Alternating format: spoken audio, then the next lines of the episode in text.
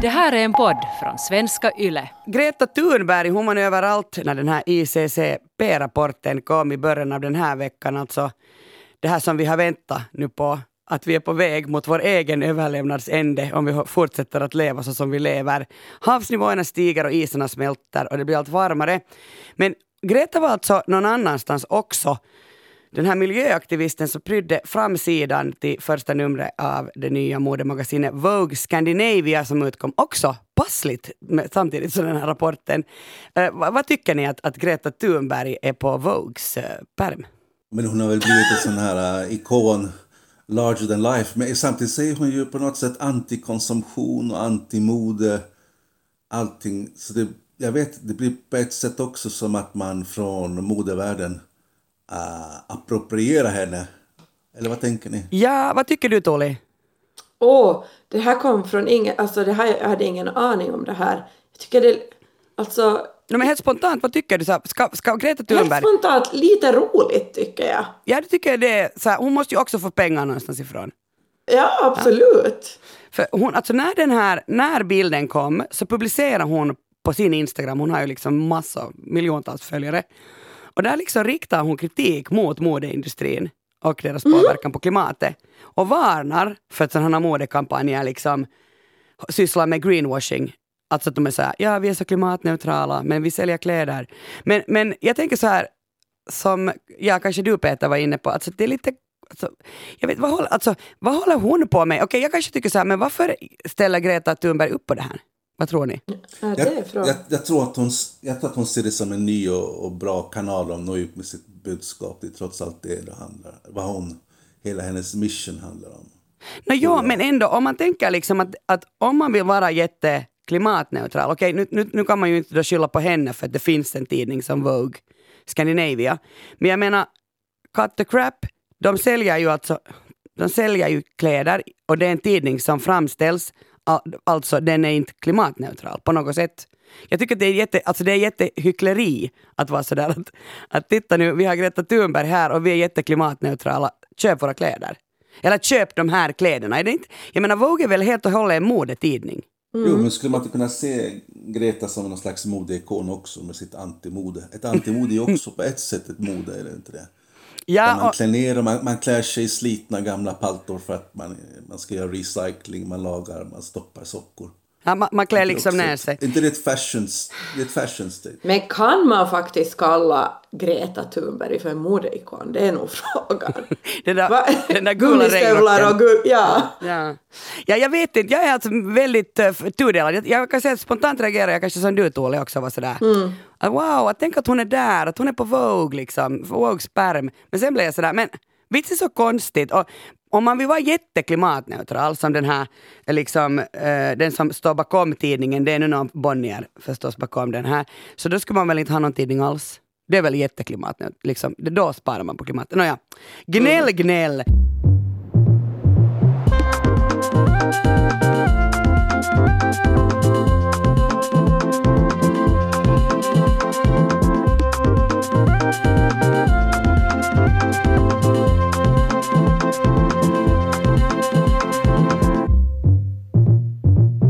Välkommen till Sällskapet, en kulturpodd med samhällsperspektiv. Jag heter Kia Svetihin och med mig har jag Peter Alfakir och Tuuli Heinonen. Välkomna! Tusen tack! Välkommen många, Peter. Många tack. Ja, du, är, du, du hörs fast du är i Sverige. Du skriker hem. Ja. ja. Vad tänker du prata om idag? Mm. Jag ska prata om Muminmuggar. Egentligen så vill jag försöka förstå vad som är grejen. Uh, och, och varför? Det är för att nu senast så köade en massa människor utanför Ittala-butiken i Stockholm för att få köpa en Muminmugg. Och det mm. får mig att undra över, vad är det som är med det här med att ha ha-begär för något? Intressant. Eh, jag har ju precis återvänt eh, från min semester och jag tänker prata om att jobba, arbeta, knega. Det kära förvärvsarbete. För jag har tänkt mycket på eh, min semester om varför vi egentligen jobbar. Alltså för jag tycker att vi jobbar helt för mycket och har helt för lite fritid. Och, nu kommer jag spy ut all min den här ångesten jag har efter att ha varit så länge på semester. Men så här är det. Tuuli, vad ska du prata om? Jag ska prata om djur på film och TV. Och mitt egna förhållande till djurfilmer som jag kanske börjar lite skämmas för. Jag tänkte börja med en rubrik från Aftonbladet, alltså det är en tidning i Stockholm. Och där står det då Muminmuggen sålde slut på nolltid. Eh, och då rapporterar hon från när människor ställer sig i kö för att köpa Muminmuggar utanför en butik på Stureplan i Stockholm. Och att jag hajade till när jag läste den här artikeln var för att jag vet vilken tradition det är med muggar i Finland. Men jag visste inte att det fanns sådana här muggfantaster i Sverige. Eh, man kanske skulle kalla dem för mugglare eller någonting, jag vet inte. Om man liksom tänker på Harry Potter. Men där betecknar det ju liksom människor som saknar magiskt blod, det vill säga vanliga människor. Men Muminmugglare verkar också vara helt vanliga människor. Förutom att de har någon slags magisk tilltro till Tove Janssons kaffekoppar. Grejen med muggsläppen är ju just kanske för att det ska vara en grej eller ett spektakel. Och det här sker då varje år på Tove Janssons födelsedag. Och då släpper man en speciell mugg. Som då skapar väldiga ha-begär hos folk. Så de är redo att ställa sig tidigt på morgonen och köa utanför butiker. Eller sitta uppe och vänta till tolvslaget för att klicka hem de här dyrgriparna. Jag måste inflika även- här eh, ja. att i, i Finland är Mumimuggens land. Så eh, har människor också köat för att få den här nya Mumimuggen och de köar från klockan fyra på morgonen. Att är det, är det, var nu svenskarna lika tidiga? Du, jag är helt säker på att det finns någon Mumin liksom, fanatiker som står där. Alltså Men det de- var jippo också, därför de hade, de hade, jag såg att de hade släpat dit eh, Lilla My och Mumin från Tallink-färjan. Som showade utanför kön. Alltså här är ju, här är ju nog någon som, som är väldigt uh, marknads... eh, eller som, som, Ja. vet, som vet exakt marknadens krafter genom att göra så här att man släpper en mugg och sen gör man ett jättestort Ja. jippo. Man har, jätte, man har liksom inte tillräckligt många, det säger de ju så här, det är ett begränsat parti så att en massa människor går och köar från fyra på morgonen. Alltså vilket marknadsföringstricks. Jo, och de är ju inte ensamma. Det här, är- det här är liksom... Men jag kommer till det. Men, men det är också, just som du säger, man får bara köpa just i eh, sex stycken muggar vid varje köptillfälle. Ja.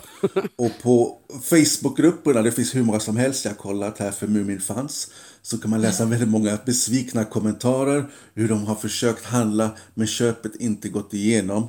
Och, och det är många då som beskriver exakt hur de har gjort. Ja, jag la den i köpkorgen men sen så när jag skulle klicka så var för, liksom borta. Eh, Och hur kan jag göra det här? Varje år är det samma spektakel. Det här. Och så var det en annan som kom in och svarade på den kommentaren då. Jo, jag minns eh, muggsläppet 2018. Och sen dess när jag, när jag la min mugg i min, i min köpkorg och köpet gick inte igenom. Och sedan dess aldrig mer en Muminmugg. Alltså det låter så hemskt. Alltså, alltså det låter ju faktiskt som en... Alltså det, det, vet du, som att det skulle vara alltså, fråga om liv och död här nu. Det är liv och död, absolut. Okej, okej. Det här är ändå Muminmuggar. Och, och många andra också kommentarer då som klagar på hur folk roffar åt sig de här muggarna och sen så ger sig ut och säljer på olika nätsidor då, som Blocket och Market på, på Facebook. Och att priset då direkt har varit uppe i 100 till 200 euro. Eh, men när jag gick in nu så kunde jag hitta muggar för ungefär 50 euro. Det var inte så farligt. Men vad är liksom jag säga? originalpriset på dem?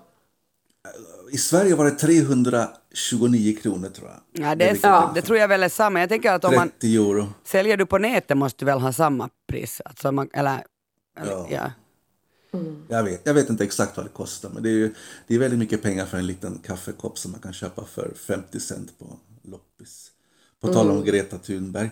Eh, men det engelska ordet då för sälja vidare till högre pris än scalper. Det var på de engelska ko- kommentarerna, de eh, internationella Moomin-fansen då som var upprörda så sa det här. Att, det, det finns scalpers som är ute och, och, och köper upp de här.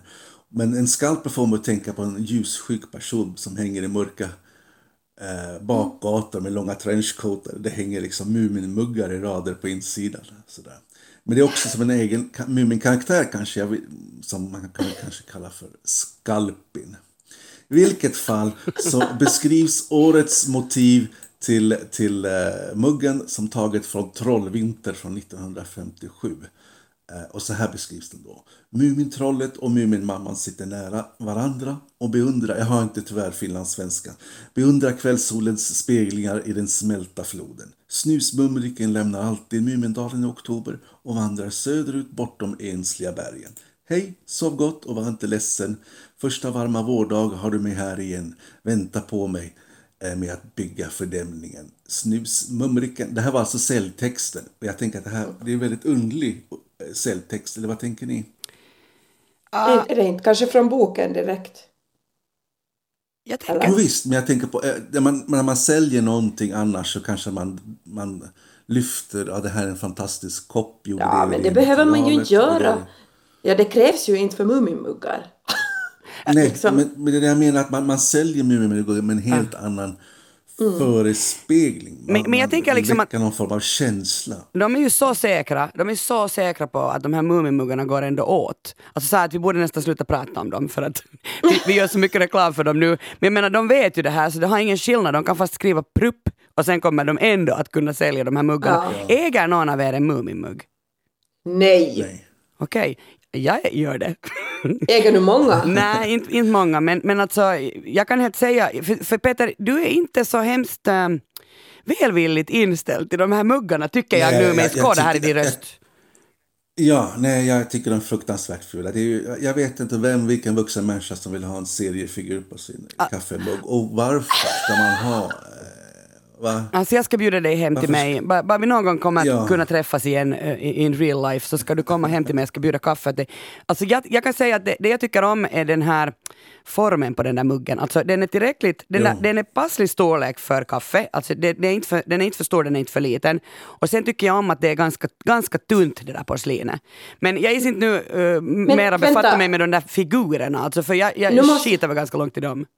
Nu måste jag fråga, men är inte, är inte Muminmuggen helt Italas temamugg? Jo, så det är den jag tycker om. Så man, tycker så man om kan ju också köpa temamuggen helt utan motiv. Ja, men inte det är som att jag liksom är hemma och liksom sp- sprutspyr för att jag tycker att mina muggar är så fula. Jag tycker faktiskt att de är helt nätta, men jag samlar inte på dem. Men alltså, jag vet att de här muggarna kan vara helt sjukligt värdefulla, vilket Ja. jag inte riktigt förstår. Men vi har en, en mugg hemma, alltså på, äh, på Pörtö där, där, där jag bor tillsammans med mina syrror, så har vi en sån här ganska gammal mugg som någon nog kollade upp att var jätte, jätte värdefull. Och sen dess så placerades den på ett annat ställe liksom i vår stuga. Och sen i I sommar... vitrinskåp. Nej men typ, men vi har ingen vitrinskåp men typ så här uppe på något skåp. Och sen så har jag ändå använt den för jag var sådär, för att jag är just sån som är sådär, aj får man inte använda den och titta på mig när jag använder den. Och sen har jag använt den hela sommaren och nu märkte jag att den alltså, den har gått sönder. Det är inte jag som har söndrat den. Inte jag! Men den har alltså den där, det där som, som Jonas Gardell tycker jag håller på med under hela coronapandemin, har han ju visat upp sina olika Muminmuggar. Men alltså den där muggen, äh, öra har lossnat och någon har limmat tillbaka den på ett så bra sätt att den ser faktiskt ut som att den inte är sönder. Men jag märkte det, för jag blev liksom så i pissen när jag insåg liksom att jag anarkistiskt har använt den Det där här, är, det, här är, muggen. det här är ett familje, familjedrama och mysterium. Du måste Ja. hitta vem det är som tog Men alltså, sönder den och sen limmar tillbaka. Ja, vem har gjort det och gjort det Du- du- jätte, jättebra? ja. Alltså gjort ett Men jättebra ober, jobb. oberoende har ju värde sjunkit nu. Jo, och det var ju det som sen, alltså jag pratade med mina systrar och de var båda så här bara ja, att vi märkte det också, vi vet inte, alltså vi vet inte vem det är som har söndrat den. Ingen säger att det, ingen medger och värdet har givetvis sjunkit.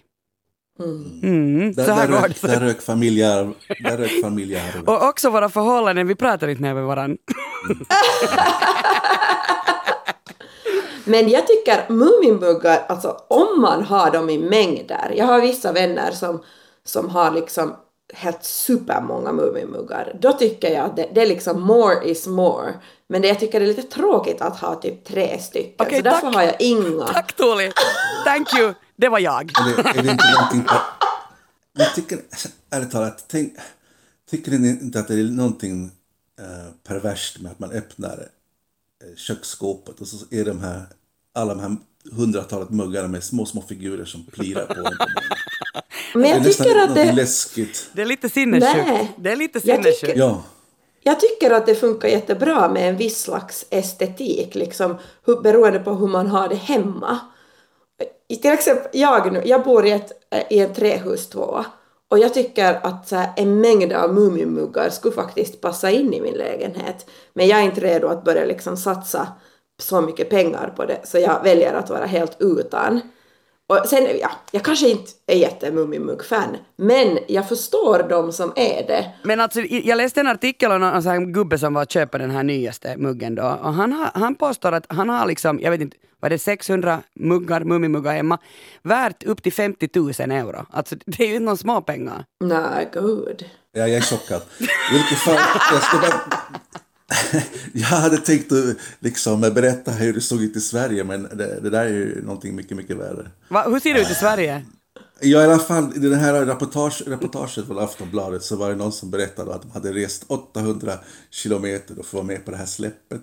Och en annan hade gått och ställt sig i kön sex gånger för att kunna få köpa 36 muggar. Alltså man ställer sig i kön, man får gå in och köpa sina sex muggar. Och i butiken hade de vakter, inte beväpnade kanske, men de hade vakter i alla fall som räknade muggarna. Jag tycker det är, ganska, det är ett framsteg i alla fall att man har vakter som kan räkna. Eh, och sen så får man ställa sig längst bak och så gör man om hela proceduren. Då. Eh, och det, jag, kan, jag kan liksom läsa några citat här från, från texten. Då. Någon som säger Mumin i mitt liv, jag har ungefär 300 muggar nu. Och en annan säger att Tove Jansson var något alldeles speciellt. Jag, nu pratar jag med stockholmska. Tove Jansson var något alldeles speciellt och muggen är jättefin.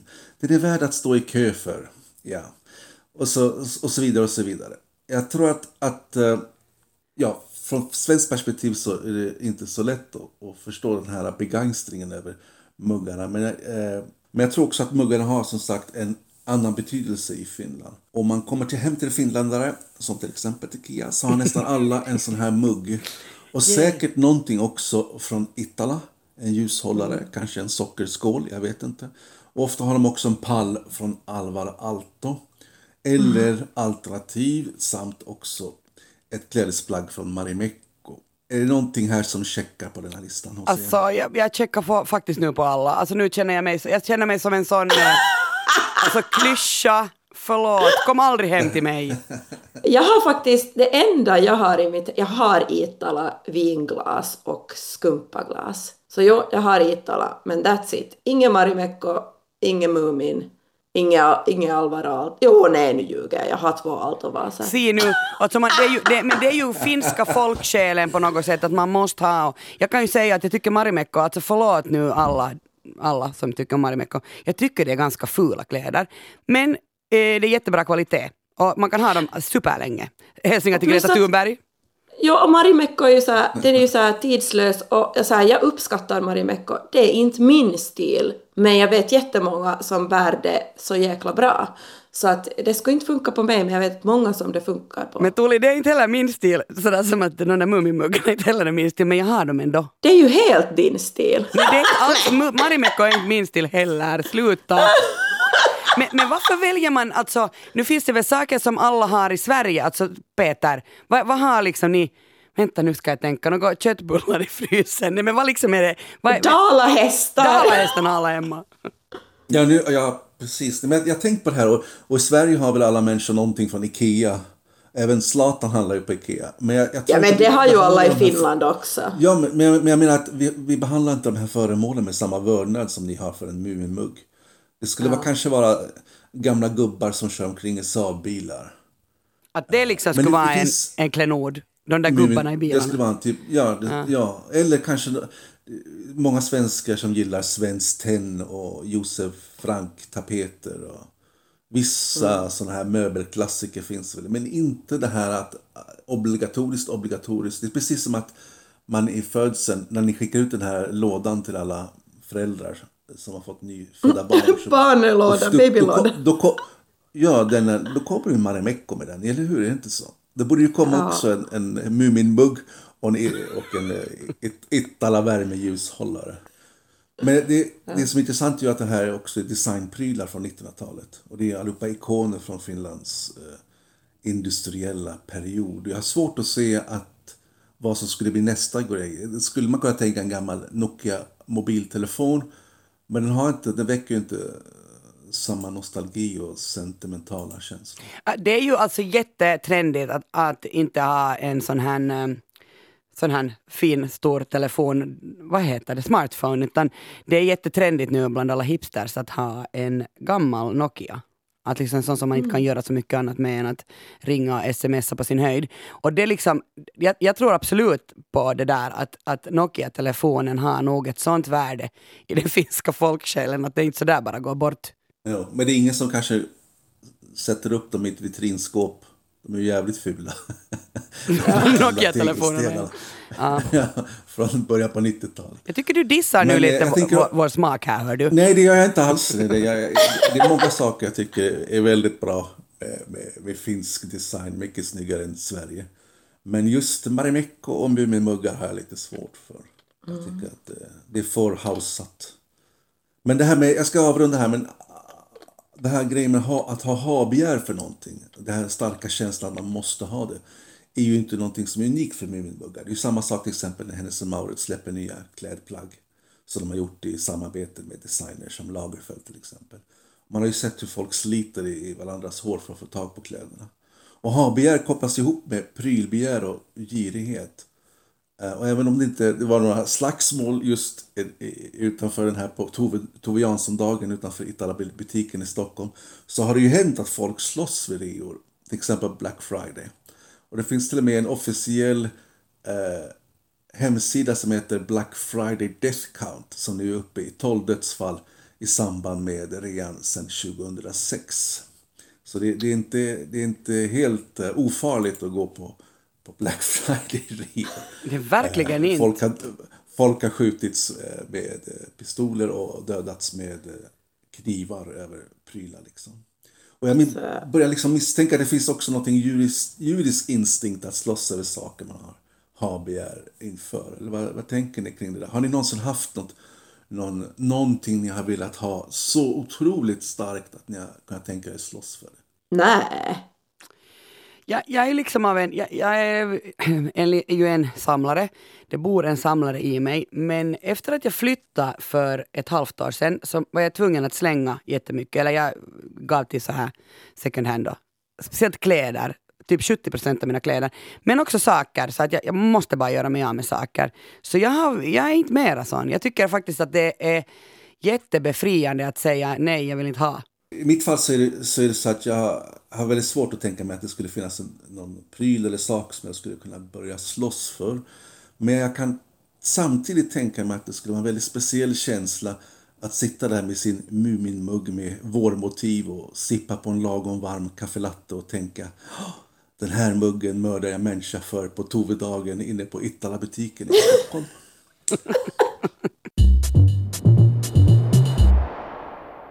Jag har precis avslutat en sex veckor lång sommarsemester. Sex sammanhängande veckor. Det blir 30 lediga arbetsdagar och det är jättemycket.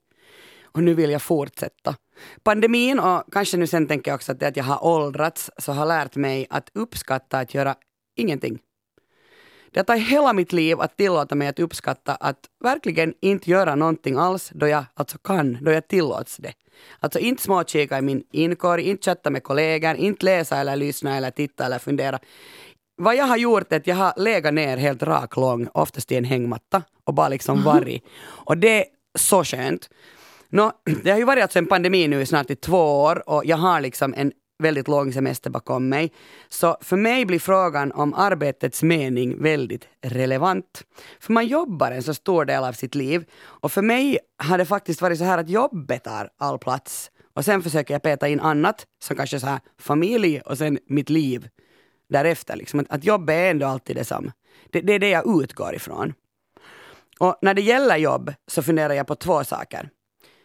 För det första, vad jobbet man gör bidrar med till världen. Det är ju ganska viktigt att det är liksom ett betydelsefullt jobb man utför. Men sen, hur meningsfullt det är för mig att utföra det. Alltså det här behöver ju inte, de korrelerar inte de här två sakerna.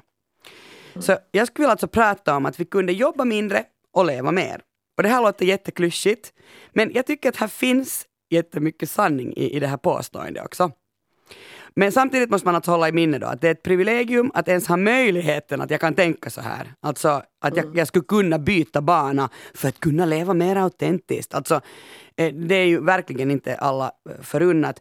Och jag menar det finns massor med människor, låginkomsttagare som arbetar långa dagar och många timmar och har flera jobb för att klara sig. Men det jag alltså funderar på är varför överanstränger många andra anställda sig, eh, också sådana som är otroligt välkompenserade. Varför överanstränger vi oss så mycket när vi egentligen inte skulle behöva? Alltså den här västvärldens ökade välstånd så gör att liksom allt flera har möjligheten att ifrågasätta sin livsstil och liksom vilja ändra på den. Och då blir det liksom jättetydligt den här ojämlikheten, alltså inom länder också. Så den påverkar livet på flera plan än det ekonomiska.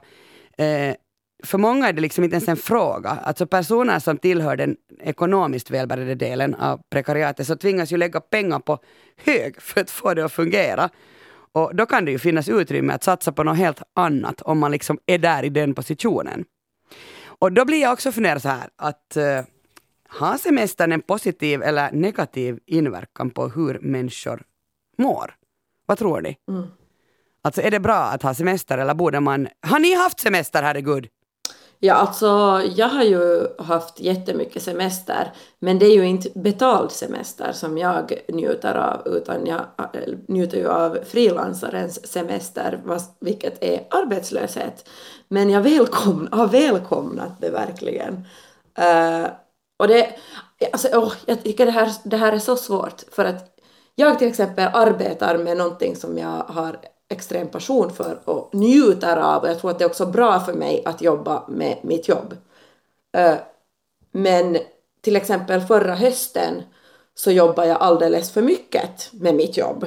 Mm. Och, vilket resulterade i att det kom in ganska bra, väldigt bra med pengar men i slutändan var det nog inte värt alla arbetstimmar. Uh, och det var liksom, jag tror, jag kom så nära, eller jag har aldrig kommit lika nära väggen som jag kom förra hösten. Usch. Och det, det sätter ju nog saker i perspektiv och sådär och jag, jag håller nog med mig. Alltså, jag älskar att vara ledig och jag är jättebra på att vara ledig. Jag blir inte liksom hispig av att inte jobba. Samtidigt måste jag jobba för att nu har jag köpt en lägenhet så nu har jag liksom fått den pressen lite att oj oj oj tidigare när man på hyra man kunde ju bara jag kan, har ju alltid haft möjligheten att flytta hem till mamma i värsta fall men, men nu, nu är jag lägenhetsägare och då ska man ju förtjäna så att man kan amortera. Ser du, det, är det här ju det handlar om, att vi bara ska mm. ha mera och mera och mera och därför måste vi jobba ja. mera och mera. Peter, har du haft semester i sommar? Jag, alltså, jag har varit föräldraledig i omgångar men jag har inte tagit ut någon semester. Sen så blir jag lite irriterad när folk säger att ah, du har inte haft semester. Nej, jag har varit föräldraledig lite annorlunda. Det, men det är, men det är ju också semester. Men det är, det ju är liksom, semester men ändå inte. Det är ju inte i ett streck. Liksom. Det är det jag tänker. Att du, du har, har du haft liksom någon dag ledig? Alltså du har jobbat liksom bara färre dagar? Nej, jag jobbar jag jobbar två veckor, sen har jag varit ledig två veckor. Ja, du gör så, okej. Okay. Ja, ja. ja. Nå, jag gjorde ju då förstås research på det här och det mesta tyder ju nog på att semester såsom kortare arbetstid förbättrar hälsa och välbefinnande. Och en studie från eh, Holland så visar att, att det här ökade välbefinnande som man får från semester lever kvar i upp till fyra veckor efter semestern. Alltså vi, jag har mm. ännu några veckor kvar att vara jättenöjd. Mm. Men det där... Är du, känner du dig jättenöjd då? Nej, inte nu när jag är på jobb igen. Nej. det är ju det. Men jag läste, också någon, jag läste också någon undersökning om att man kan bli deprimerad när man börjar jobba igen. Ja, vad tror ni att jag är? Vad här var all, ja, jag tror att du har någon arbetsdepression. Det är hemskt. Men jag får ju, Semesterdepression. Jag får ju podda alltså med er och det är jätteroligt. Det är bara det liksom att, att det är inte allt jag gör, jag gör annat då. no, ja. men, men, men det här med liksom att ja, alltså det är så motstridigt, speciellt just nu under pandemin. För till exempel i november, när, i slutet av november i fjol när teatrarna stängde ner igen, så var det ju hemskt för branschen, men för mig personligen var det liksom det bästa som kunde hända, för jag skulle inte ha fixat, fixat att jobba ända till jul tror jag.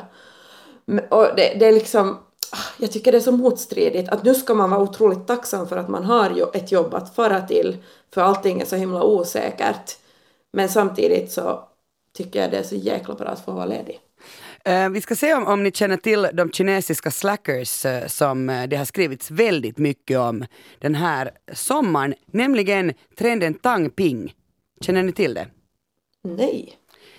Det är så alltså att i Kina eh, så har man ju en väldigt hård jobbtakt och man, det är väldigt stressigt på arbetsmarknaden.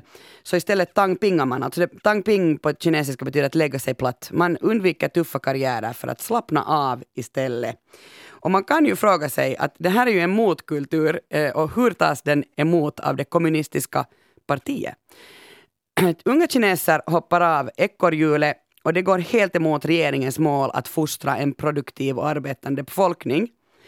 Eh, hela den här Tang Ping startade eh, från en sån här eh, signatur som hette Varmhjärtad resenär, skrev ett blogginlägg och berättade att han inte hade arbetat på två år. Den här skribenten Luo Huazong, han slutade jobba på en fabrik, sen cyklade han till Tibet och sen började han kalla då sin livsstil för Tang Ping. Och det där, eh, en annan författare, Liao Zhenghu, han hakade på och så skrev han om det här i en affärstidning. Och han kallar den här motståndsrörelsen, eh, det, han kallar det här för en motståndsrörelse till liksom en sån här skräckcykel med krävande skolgång och ändlösa timmar på jobbet. Så man kan ju fråga sig att vad är det som gör vad finns det för förklaringar till en sån här trend i Kina? Och det kan alltså ha eh, förstås med ekonomiska möjligheter att sluta jobba att göra. Att mm. om du kan om du, om du överlever på ett annat sätt, att du inte måste jobba, och sen alltså att man saknar ambitioner att göra karriär, så varför skulle man då jobba om man inte skulle måste, tänker jag. Eh, mm. Men sen kan det då också vara ett uttryck för frustration och resignation. Det är många medier som har skrivit om det här, bland annat BBC och New York Times och Dagens Nyheter och så här. Och, och där säger man liksom att eftersom det har blivit så svårt att klättra på samhällsstegen i Kina och priserna på lägenheterna i storstäderna stiger snabbare än lönerna, så känns det som att man, man är liksom universitetsutbildad, man har jobbat jättemycket, man har ett bra jobb och man har ändå inte råd med en lägenhet. Så här är det ju också, kan jag berätta, i Helsingfors, att det är jättedyrt ja. att bo här. Så människor kan liksom inte, hur man än jobbar så går det liksom inte ihop. Och det man På grund av det här köpte jag en lägenhet i Vasa. Ja, ja jag, kan, jag kan tänka mig att det är oerhört mycket billigare än i kärnan av Helsingfors. Verkligen. Och i Kina så flyttar man också liksom då till, till, sin hemby. Man flyttar bort från, från storstaden och sen lever man på ingenting. Det är liksom det som är, som är grejen här. Nå, det här tillbakalutande förhållningssättet är ju ett hot mot kommunistpartiet. Så liksom styrande parti hade någon sån här sorts kontrakt med folket att så länge levnadsstandarden förbättras och ekonomin växer så ska man inte utmana regimen. Men nu har det liksom blivit så att den där yngre generationen, de ställer inte mera upp på det där kontraktet. De är helt såhär bara, nej, vi tänker inte göra det här. Och den demografiska kurvan i Kina är ju väldigt baktung. Alltså det finns för mycket åldringar. Och Xi Jinping, han pratar ju om den här kinesiska drömmen där han vill liksom att landet ska återuppstå som världsledande. Men nu så vill inte de unga göra det. Och tidigare i år så utbröt det kritik mot en sån här 996-kulturen. Jag vet, känner ni till den? Mm, nej. Man jobb, ja, vill du jobba, jobba. Ja. Säg bara. Jobba från nio till nio, sex dagar i veckan. Och det har alltså två personer har dött Herre. på grund av det. De var så överarbetade. Och då liksom skrev unga bara så här, men vi vill inte, vi vill inte ha en sån här livsstil. Vi vill göra mm. annat än att jobba. Okej, okay, men om vi tänker på, fortsätter tänka på jobb, på arbete. Vad är det vi liksom gör varje dag vi jobb, då vi jobbar? Är ni bekanta med boken Bullshit Jobs? Nej. Nej. Den kom 2018 av en forskare som heter David Graeber. Nåja, eh, han ehm, säger liksom, ekonomen John Maynard Keynes förutspådde för hundra år sedan att teknologin i vår värld skulle göra att människor bara skulle behöva jobba 15 timmar i veckan. 15 timmar, det låter som en dröm. Eh, mm. Så gick det hundra år. Nå, inte hade ju hänt. Och den här bullshit jobs författaren, han säger liksom att istället arbetar vi ju alla bara mera. Och det kan jag ju hålla med om. Och flera jobb har skapats som är meningslösa. Och den här författaren påstår att särskilt i Europa och Nordamerika så tillbringar folk hela sina arbetsliv med att utföra uppgifter som de i hemlighet inte tror att behövs. Inte hemskt? Mm. Alltså, lite deprimerande. Uh, så några bullshit jobs är liksom att ditt jobb framförallt finns till för att någon annan ska se viktig ut. Alltså typ en HR-assistent. Mm. Du har ett jobb som har ett aggressivt element i, i sig, alltså, men det finns bara för att andra människor har anställt dig. Du är en telefonförsäljare till exempel. Då. Mm. Eller att man har en anställning bara för att organisationen lider av tekniska fel eller för att andra i organisationen gör fel. Och då hamnar man liksom berätta om hur deras eh, roll är att, eller, de, här, de här människorna berättar att deras roll är alltså att rädda andra medarbetare eller chefer mm. som ska klara, de klarar inte sitt jobb utan de här andra människorna. Mm. Eh, och sen typ alla mellanchefer, alltså de som ger ro rollen att ge andra meningslöst arbete. Men man kan ju fundera ändå, varför hade den här Keynes fel? Varför jobbar vi alltså inte 15 timmar i veckan idag? Och det här svarar Men, du redan på. Säg Peter. Jag tänkte att Keynes kanske hade rätt eh, om man ser till mänsklighetens historia.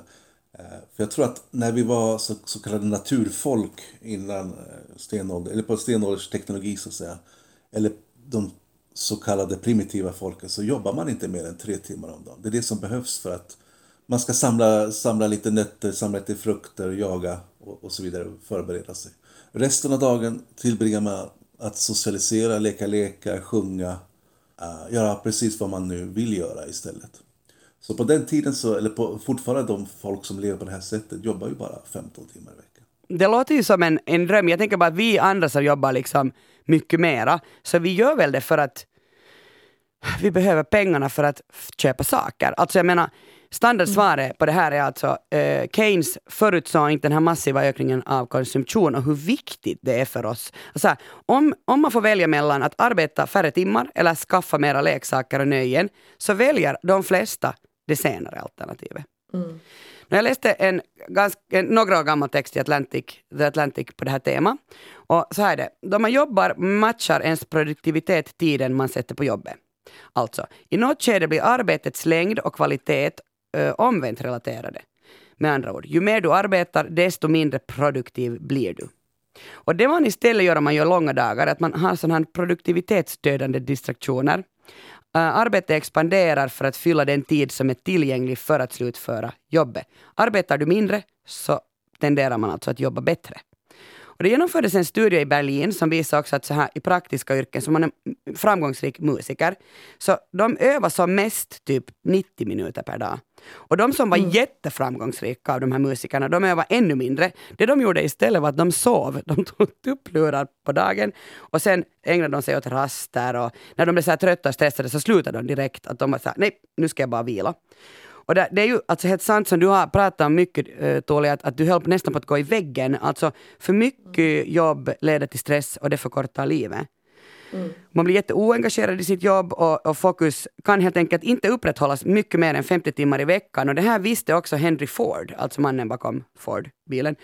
Så han, um, 1926 var han så här, okej, okay, ni behöver inte mera jobba så här 48 timmars veckor, utan ni får jobba 40 timmars veckor. Och, och det där, han tyckte också att det, det var liksom, inte vet jag hur han tyckte synd om sina arbetare, men han tyckte att de begick så mycket fel när de jobbade mera än det. Mm. Nå, eh, eh, ett annat exempel är att äh, anställda vid så här två välkända investeringsbanker, de jobbar 120 timmar i veckan. Tänk dig 17 timmar om dagen. Och de jobbar så här mycket också när deras chefer inte tvingar dem till det. Och, och det är så jättekonstigt. Alltså, då kan man ju dra slutsatsen att de här hårt arbetande individerna, de lägger ner massor med timmar på att jobba. Och de gör inte det här på grund av att de får någon belöning för det. Utan de gör det för att de kan inte föreställa sig att göra någonting annorlunda. Och det verkar ju alltså jättedumt att man jobbar långa dagar och övertid bara för att jobba långa dagar och övertid. Men precis sån är jag. Att jag, har liksom, ja, jag har liksom ett sådant, jag undrar det här med, alltså jag, jag ser, vi har ju alltid sett allting i generationslådor, men alltså också med, med, med, med förr i tiden att göra. Alltså, jobbets ryggrad har, har liksom varit så stor och stark. Det, det, det är liksom, för mig har det, varit, det har satt en social prägel på mig. Att vara upptagen innebär att man jobbar hårt, vilket innebär god karaktär, man är högutbildad, man är högutbildad och man lever eller vill leva i välstånd. Och så här liksom att säga så här, jag kan inte, jag är upptagen på jobbet eller vet du, jag har så mycket jobb. Då sänder jag en signal om att jag gör något väldigt viktigt. Och det här känner jag mm. mig, jag känner nog igen mig. Jag tycker om att mm. säga så här, jag är en arbetsnarkoman och jag jobbar hela tiden, liksom, jag är så viktig. Nå, eh, I vissa branscher måste man ändå komma ihåg att här, om man är advokat eller psykolog så är det ju meningsfullt att jobba mer än nödvändigt för du tar ju betalt för hur, hur mycket timmar du liksom fakturerar. Så att det, då, då lönar det ju sig att jobba mycket. Inte för de som går till dig. Men, men ja, men så här, arbeta mindre, arbeta bättre är ett, ett, ett, ett tankesätt som man har börjat ta till sig jättemycket. Till exempel eh, ett mjukvaruföretag i USA, så de ser ner på anställda som klockar in mer än 40 timmar per vecka. Och de ser inte överarbete som ett tecken på engagemang, utan det är mer ett tecken på att man är ineffektiv. Det här skulle vara helt mardröm för mig, om de skulle säga. Um, och sen har man ju gjort försök med fyra dagars arbetsvecka. Här senast på Island, i, under fem år så testar man på att jobba liksom bara fyra dagar och det var överväldigande framgång. Idag vill 86 procent av isländarna förkorta sin arbetstid. Och eh, samma har man alltså gjort i Spanien kommer man nu på hösten att eh, genomföra ett sånt här motsvarande experiment.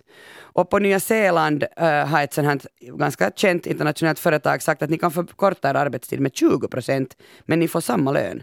Tänk om eh, man liksom skulle på något sätt förstå att det här med fritid ger struktur. Alltså att vi på något sätt skulle liksom sluta dumförklara vår fritid.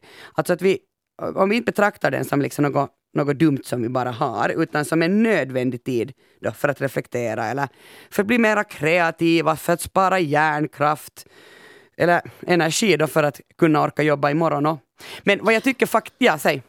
Ja, men det, just, just det här med att man är mindre arbetstimmar och man är mer effektiv, det tycker jag har liksom kommit in i teaterbranschen på ett sätt redan. Och det är många fria grupper speciellt som, som jobbar kanske fyra timmar, har fyra timmars repetition per dag. Medan sen på institutionsnivå så är det ett så mycket större maskineri så då, då har man de där 7 till 8 timmars dagarna. Men, men speciellt på fria fältet har jag, har jag ibland jobbat så att vi har haft väldigt korta, korta arbetsdagar och man hinner med precis samma sak. Ja, För att oftast är de där liksom två sista timmarna av en åtta timmars arbetsdag är liksom onödiga för att alla är så trötta i huvudet och man, man kommer ingen vart mer. Precis, det bästa är ju när någon är så här, om man är på någon kurs så är man så här färdig med kursen, så säger den där kursledaren, okej okay, men nu kan ni gå hem. Ja. Då är man så tack. För jag menar, det finns också de som är så här, men nu ska vi, vi kan ha någon sån här brain-uppgift. Man är bara, nej men nej, kan vi inte bara gå hem? Ja, ja, och det, och det, det tycker jag, eller jag upplever jag i alla fall, som skådis att har blivit mycket mer vanligare. Alltså om man är färdig med det man ska ha gjort för dagen så får man bara gå hem. Och ja. Jättepositivt. Och jag, jag förespråkar det verkligen. För att man är mycket mer effektiv om man har kortare tid att jobba. Och så, ja, för man har, också, man har ju en press på sig, det tycker jag om. Att, att ja. man blir pressad att, att göra snabbare färdigt. Hörni, men mm. ni har nu knappast undvikit, eller undgått den här alarmerande rapporten av FNs klimatpanel nu som visar på att klimatet förändras. Och jo, det är faktiskt vårt fel. Mm. Nåja, havsnivåerna stiger, isarna smälter allt snabbare, vädret blir mer och mer extremt. Man säger alltså att ett globalt skift till en kortare arbetsvecka kan minska koldioxidutsläppet under det här århundradet med hälften. Alltså länder som har kortare arbetsvecka har ett mindre ekologiskt fotavtryck. Att konsumera mindre börjar med att vi börjar arbeta mindre. Och ännu bättre, mm. att konsumera vårt välstånd istället i form av fritid.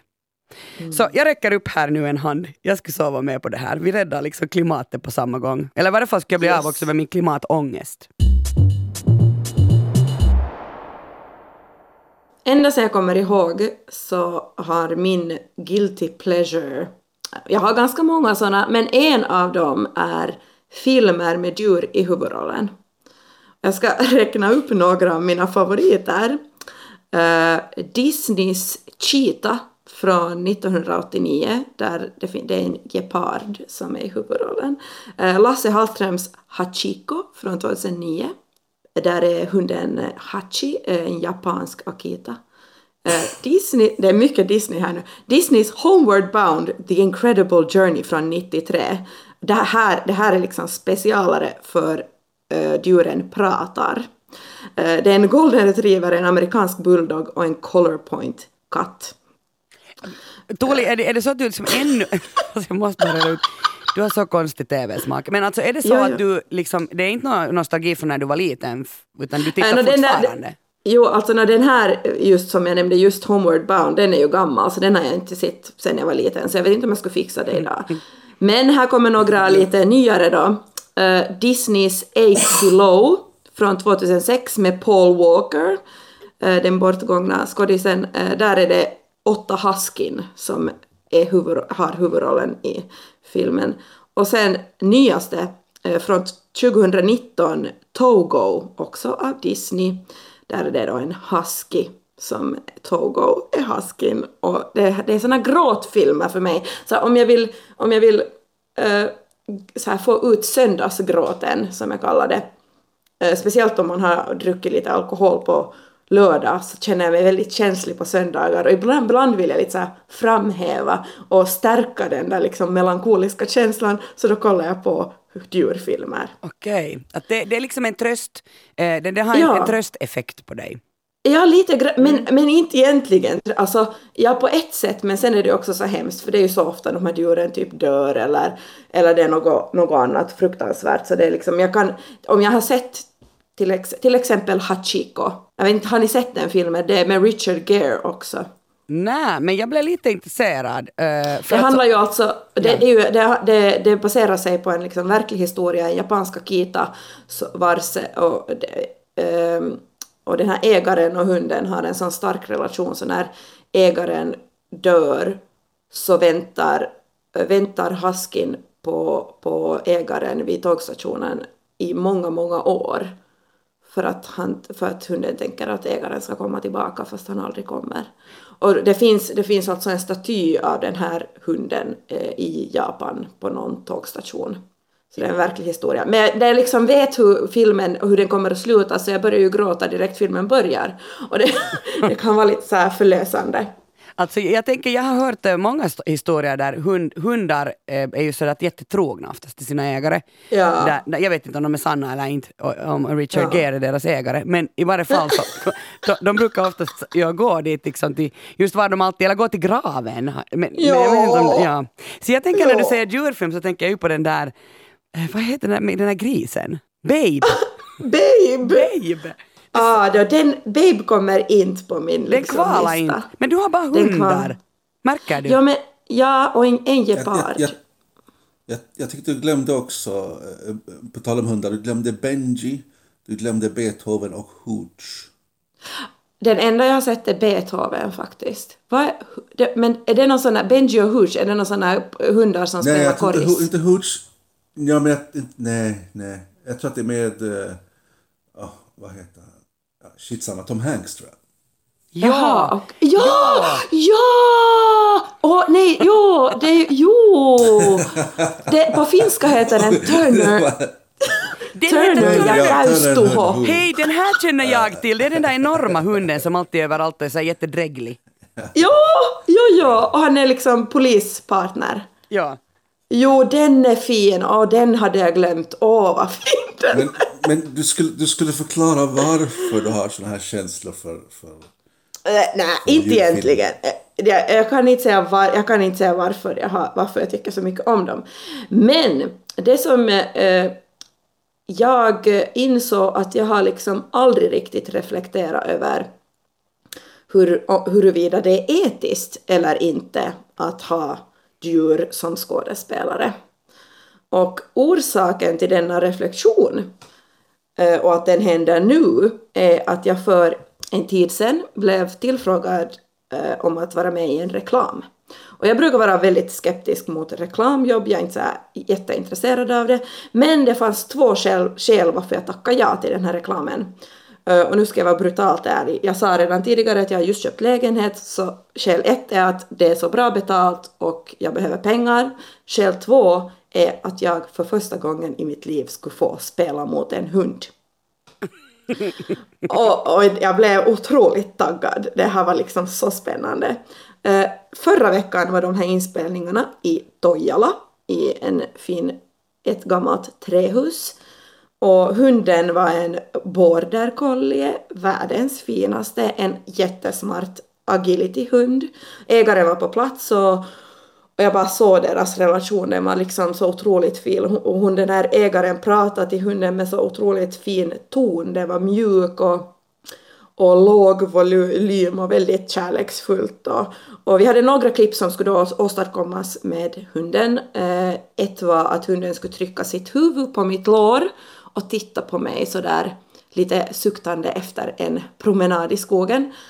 Och eh, en annan var att hunden skulle bli ivrig eh, inför den här kommande promenaden och sen skulle också eh, det var e-, ett klipp där bara hunden syntes där den skulle liksom titta, titta på mina arbetsskärmar från höger till vänster för jag, min roll var alltså då en eh, distansarbetande person hemifrån. Var hunden en Eh. bra skådespelare? Hunden var bäst. Det var det att hunden var så underbar så jag glömde bort att göra jobbet lite. Att jag, jag blev bara så hänförd av hunden. För den var så himla fin. Och det var också liksom, det var också fint att se hur den här ägaren tränade upp hunden att göra de här sakerna. Till exempel då sätta huvudet på mitt lår. Det tog liksom några minuter. Och sen behövde hon bara säga jätte, jättetyst och, och, och mjukt bä. Och så gjorde hunden det varje gång, kanske 20-30 gånger. Och jag var så här, det här är det häftigaste jag varit med om.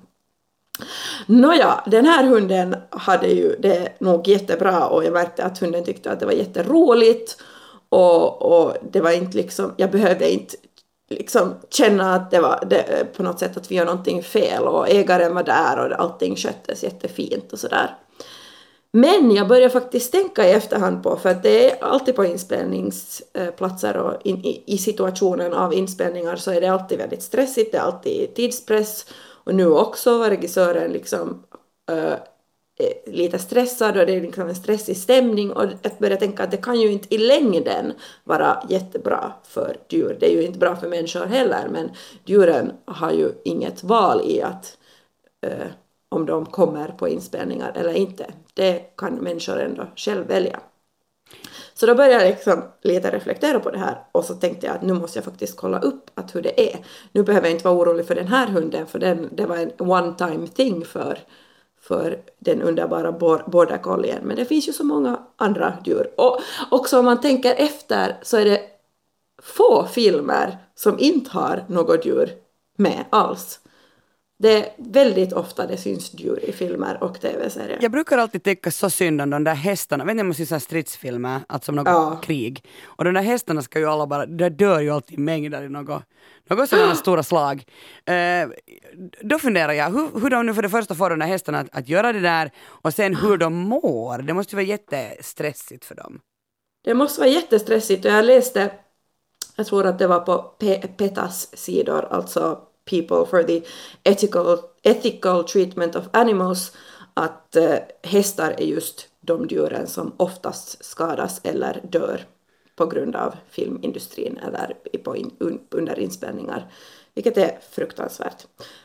Nå, men här på PETAs sidor då så, så listas det upp en massa hemskheter om eh, hur djuren, djuren som används för filmindustrin ofta blir bortförda från sin mamma som nyfödda.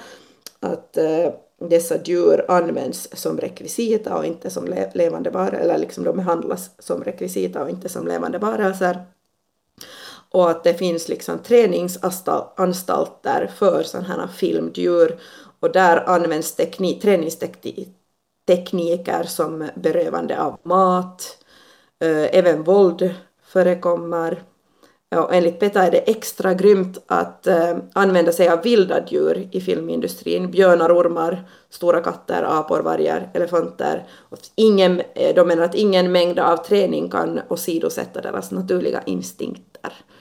Eh, och om jag förstår Peter rätt så är det inte helt lika oetiskt att använda sig av husdjur inom film och tv, såsom katter, hundar, hästar, hönor och kossor. Men även dessa kommer inte undan grymheterna. Är, är du Eh, nu så och det finns allt... Ja, är du nu så att du ångrar liksom, att du är så här bara, vad har jag gjort, vad har jag gjort, varför var jag med? Nej, nej, nej, i den här reklamen. Ja. Nej, nej, nej. Inte alls. Inte alls. Pengarna För på att det- kontoren.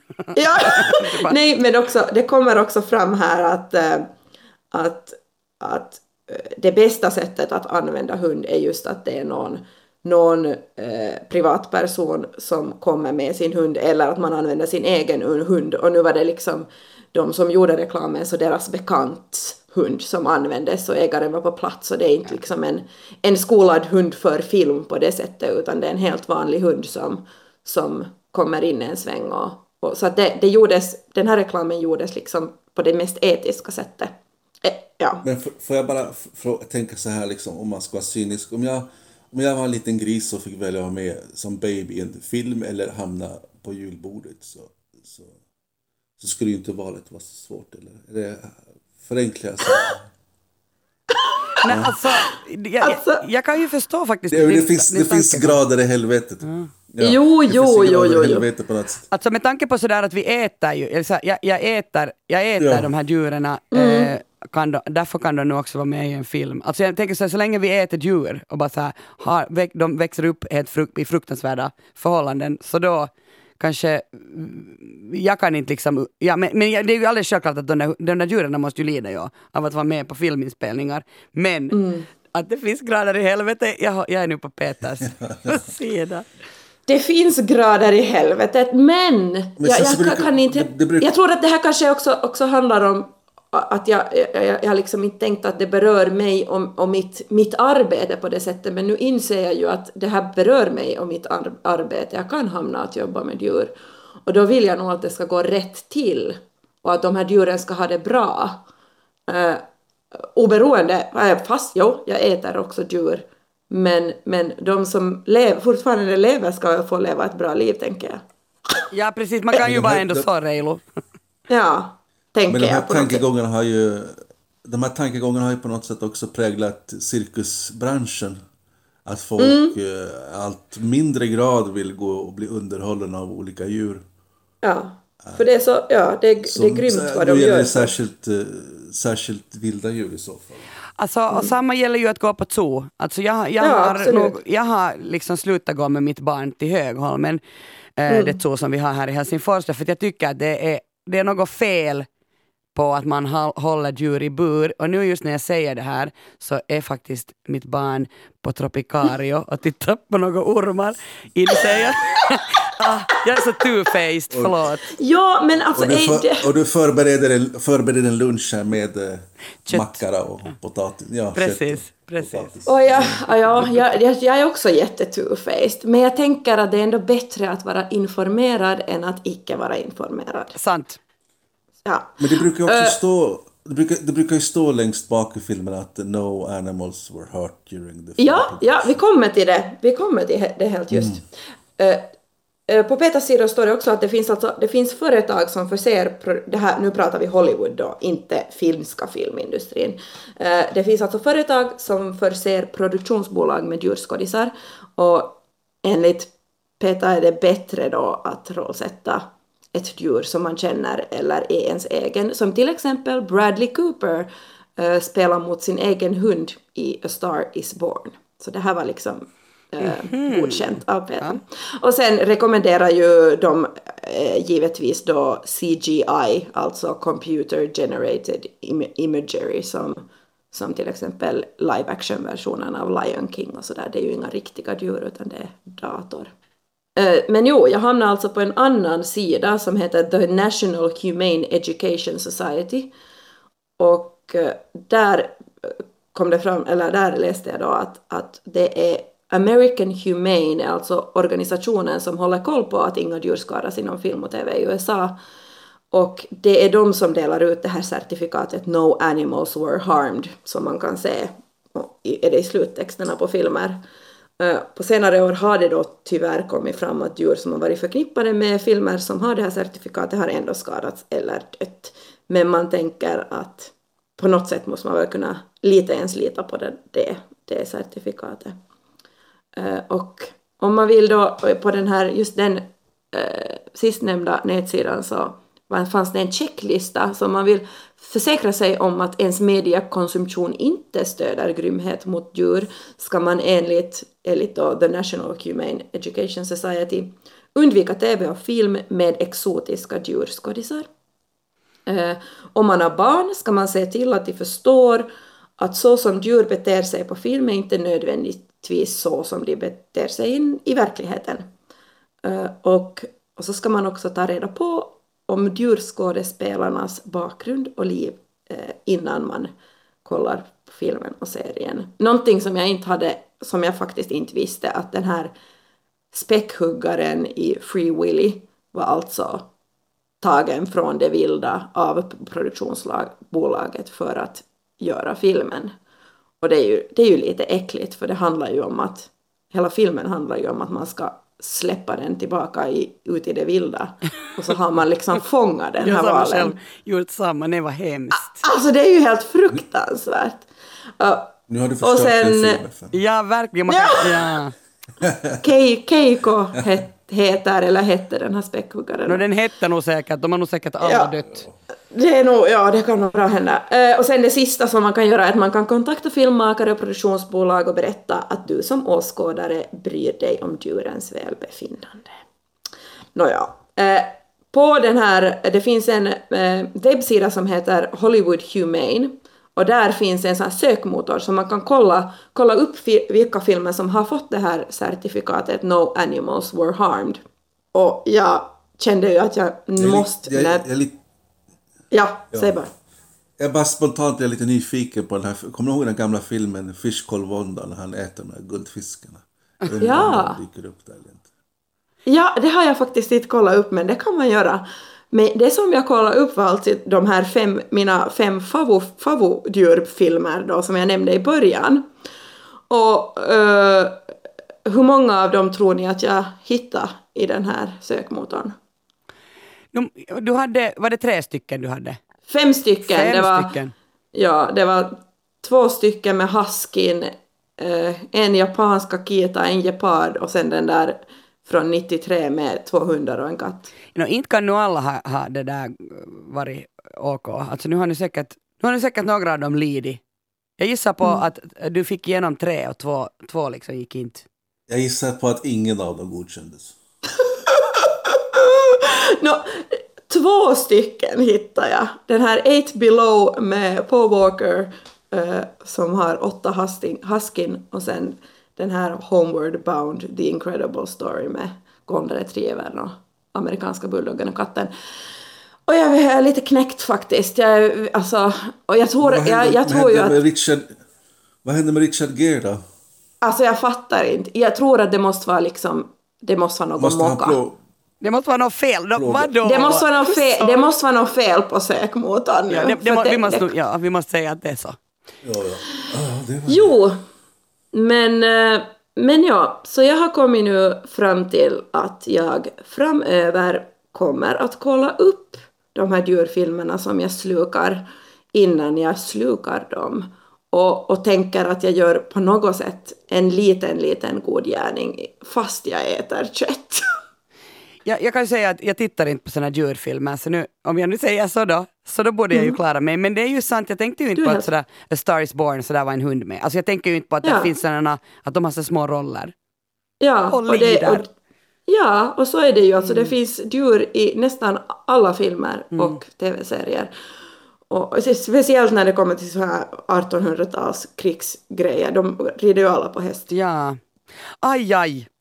Aj, aj! Tack Tuuli Heinonen. Tack Peter Alfakir för sällskapet. Tack, tack. Vi får gärna dialog med er lyssnare så ni kan skriva till oss på sällskapet.yle.fi. Alla referenser hittar ni i avsnittsbeskrivningen på arenan. Vi hörs, hej då! Hej, hej! Moi, moi.